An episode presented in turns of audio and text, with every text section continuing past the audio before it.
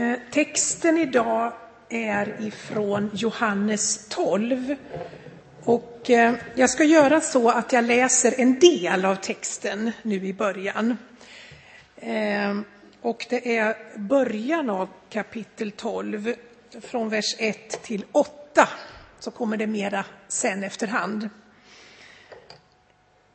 Sex dagar före påsken kom Jesus till Betania där Lazarus bodde, han som Jesus hade uppväckt från de döda. Man ordnade där en måltid för honom. Marta passade upp och Lazarus var en av dem som låg till bords med honom. Maria tog då en hel flaska dyrbar äkta nardusbalsam och smorde Jesu fötter och torkade dem sen med sitt hår och huset fylldes av doften från denna balsam. Men Judas Iskariot, en av lärjungarna, den som skulle förråda honom, sa varför sålde man inte oljan för 300 denarer och gav till de fattiga? Detta sa han inte för att han brydde sig om de fattiga, utan för att han var en tjuv. Han hade hand om kassan och tog av det som lades dit. Men Jesus sa, låt henne vara, hon har sparat sin balsam till min begravningsdag. De fattiga har ni alltid bland er, men mig har ni inte alltid. Tack Jesus att du låter ditt ord nå in i våra hjärtan. Tack att du skapar den stillhet inom oss som gör att vi kan uppfatta din röst. Kom helige Ande i den här stunden vi ber. Amen.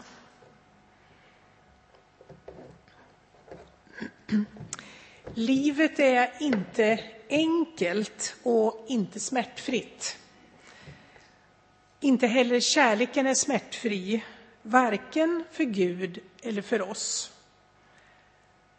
Att älska har sitt pris. Och det talar ju korset tydligt om för oss. Kärlekens väg är temat idag på fastlagssöndagen och vi skulle kunna tillägga kärlekens väg genom ett brustet hjärta.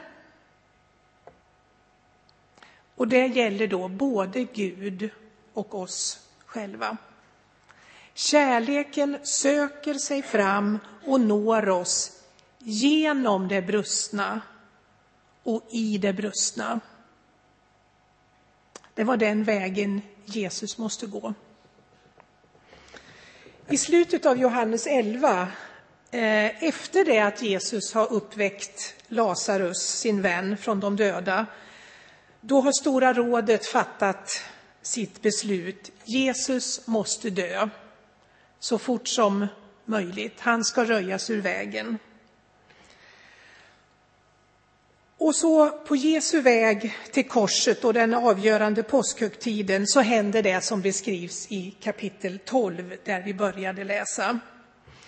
Och I det kapitlet så finns, tycker jag, två väldigt starka bilder som talar om kärlekens väg genom det brustna. Jag tänker på nardusflaskan, parfymflaskan jag tror att den var större än den här var, men vi kan ändå ha den för våra ögon. Och jag tänker på det som kommer senare i kapitlet, vetekornet. Det här är många vetekorn. Men Jesus talar om vetekornet. Vi läste om nardusflaskan i början av kapitlet och längre fram i kapitlet, i det som är föreslaget som kyrkårets evangelietext för idag, så använder Jesus just bilden av vetekornet när han talar om sin egen död som nu närmar sig. Och jag tänkte att vi ska börja där i den senare bilden och sen återkommer vi till nardusflaskan mot slutet.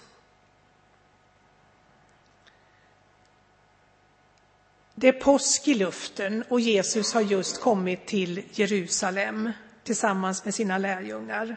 Och en av de tolv, Filippos, han blir uppsökt av några sökande greker.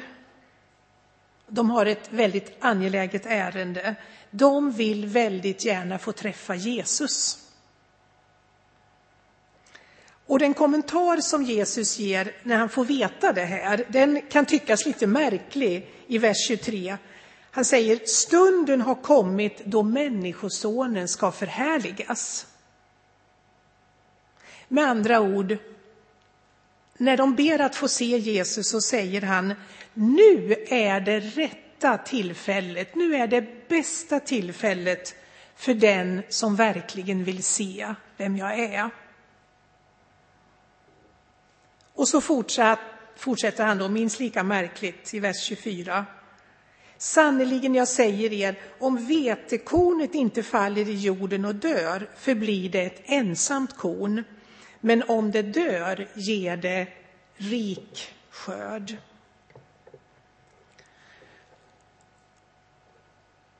Det är när Jesus ger sitt liv som hans härlighet blir synlig. Det är väldigt centralt, speciellt i Johannes evangeliet, att härligheten uppenbaras dels genom att Jesus blir människa, men framför allt vid korset. Det är där och då vi allra tydligast ser vem han är. Det är då vi ser vem Gud är.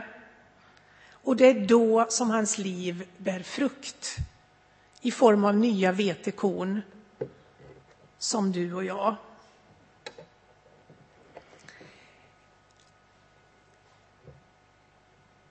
Men ett korn kan inte ge liv utan att först brista.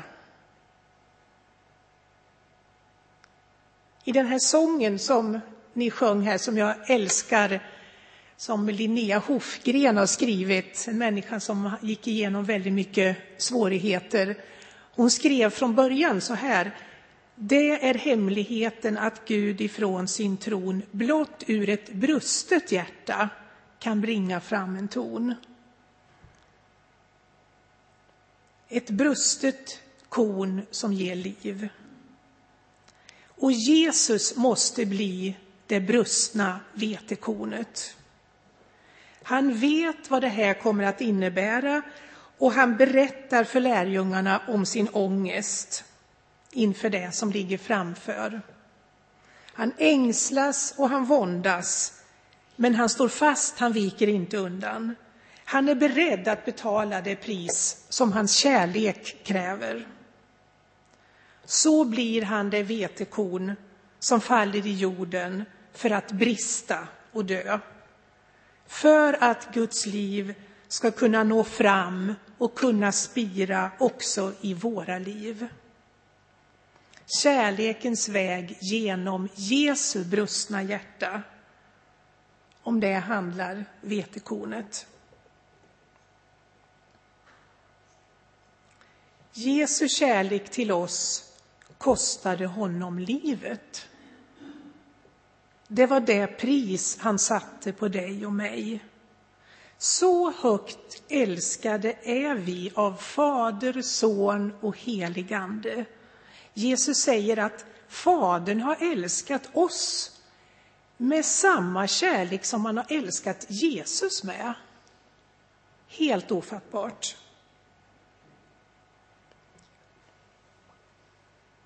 Men kärleken har ett pris också för den som vill ta emot och som vill ge utrymme för Guds kärlek i sitt liv. Och även den sidan tar Jesus upp i den här texten. Han säger i vers 25, den som älskar sitt liv förlorar det, men den som här i världen hatar sitt liv, han ska rädda det till ett evigt liv. Eller som det uttrycks i Handbok för livet, den som älskar sitt liv mer än något annat ska förlora det, men den som utan förbehåll ger det till Gud ska vinna det och få evigt liv. Den som utan förbehåll ger det till Gud ska vinna det och få evigt liv. Med andra ord, den som på allt sätt vill skydda sitt eget liv från att brista och sitt skal från att gå sönder, den människan missar själva livet. Men den som inte först och främst värnar om sitt eget liv, sitt rykte, sin framgång, sina ägodelar i den här världen, utan ger det till Gud, den människan vinner det verkliga livet, livet i Gud. Livets väg genom vetekornet går genom det brustna skalet. Och det, då är vi inne på också den andra bilden, eller den första om vi nu läser i rätt ordning. Så vi backar nu till början av kapitel 12 igen. Det som vi läste i början. Då är det sex dagar kvar till påsk. Jesus har ännu inte ridit in i Jerusalem, utan han är på besök i Emmaus hos sina kära vänner, syskonen Marta, Maria och Lazarus. Och vi ser här att rollerna är de samma som i Lukas 10. Marta passar upp, tar hand om allt det praktiska. Maria är mer upptagen av Jesus. Vi vet inte, kanske har Jesus sagt någonting till henne eller till flera om sin förestående död nu hemma hos dem. Eller kanske har hon ändå med sitt lyhörda sinne fångat upp vad som är i görningen. Jag tror att från sin plats vid Jesu fötter så har hon mer än de flesta anat djupen i den kärlek som nu driver Jesus till korset. Så kanske hade hon redan sett en skymt av den där härligheten som skulle uppenbaras vid det resta korset. Hur som helst så måste hon nu få uttrycka för Jesus vad han betyder för henne.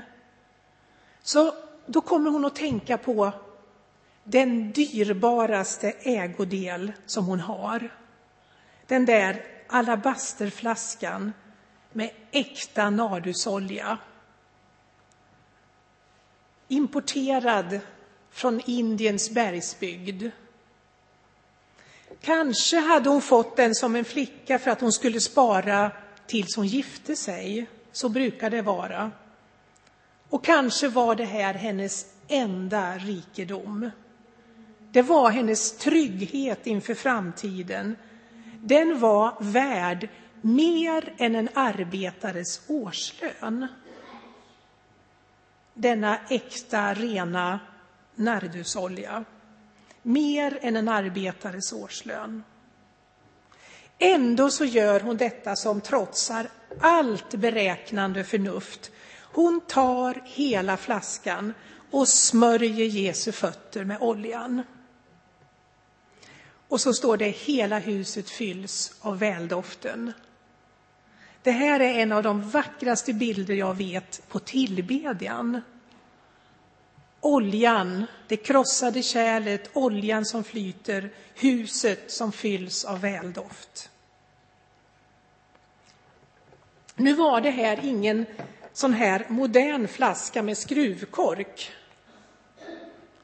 som man liksom bara kunde ta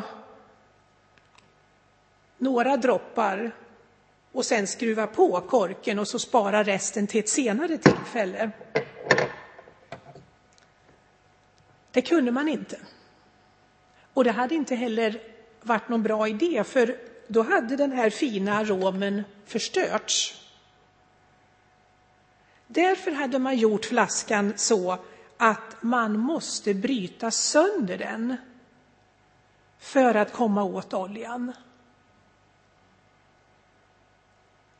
Därför säger Markus, Markus alltså, när han berättar det som verkar vara samma händelse, han säger uttryckligen att hon, kvinnan, bröt upp flaskan och hällde ut allt sammans.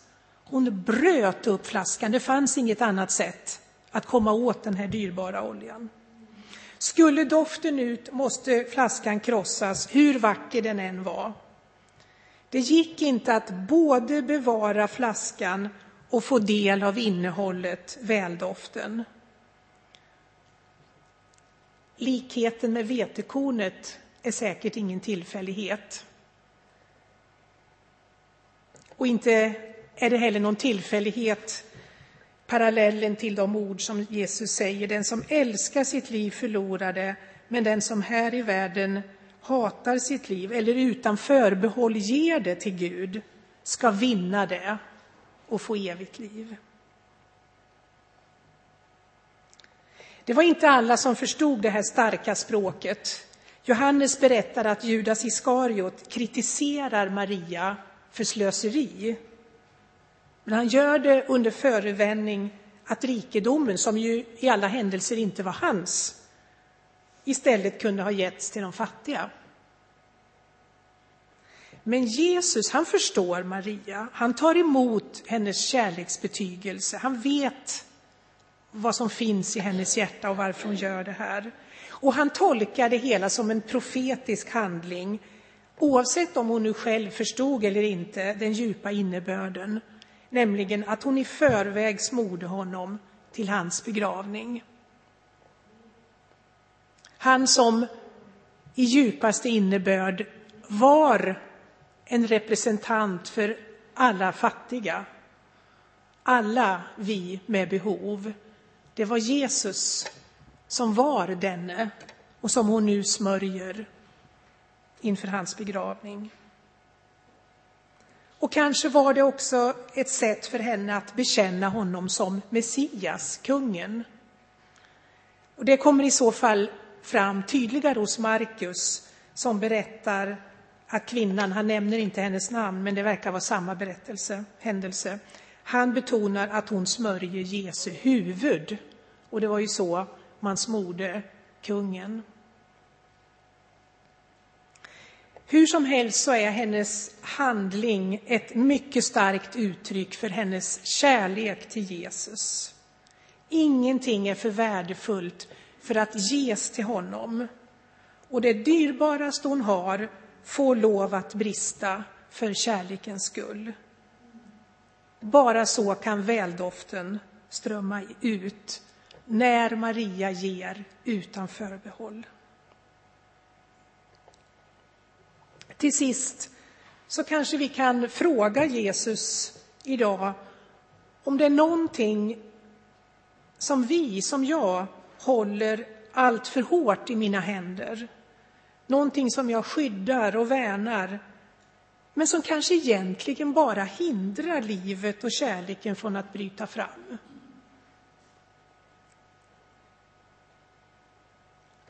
Någon flaska, något skal. Vi kan var och en be att Jesus visar oss vad vetekornet och nardusflaskan säger oss och står för i våra egna liv just nu. Och kanske vill han i detta också tala om för oss att vi inte behöver vara så rädda för det brustna. Att sprickorna i våra liv kan vara öppningar där livet och kärleken får sippra in och sippra ut. Låt oss be tillsammans. Mm-hmm.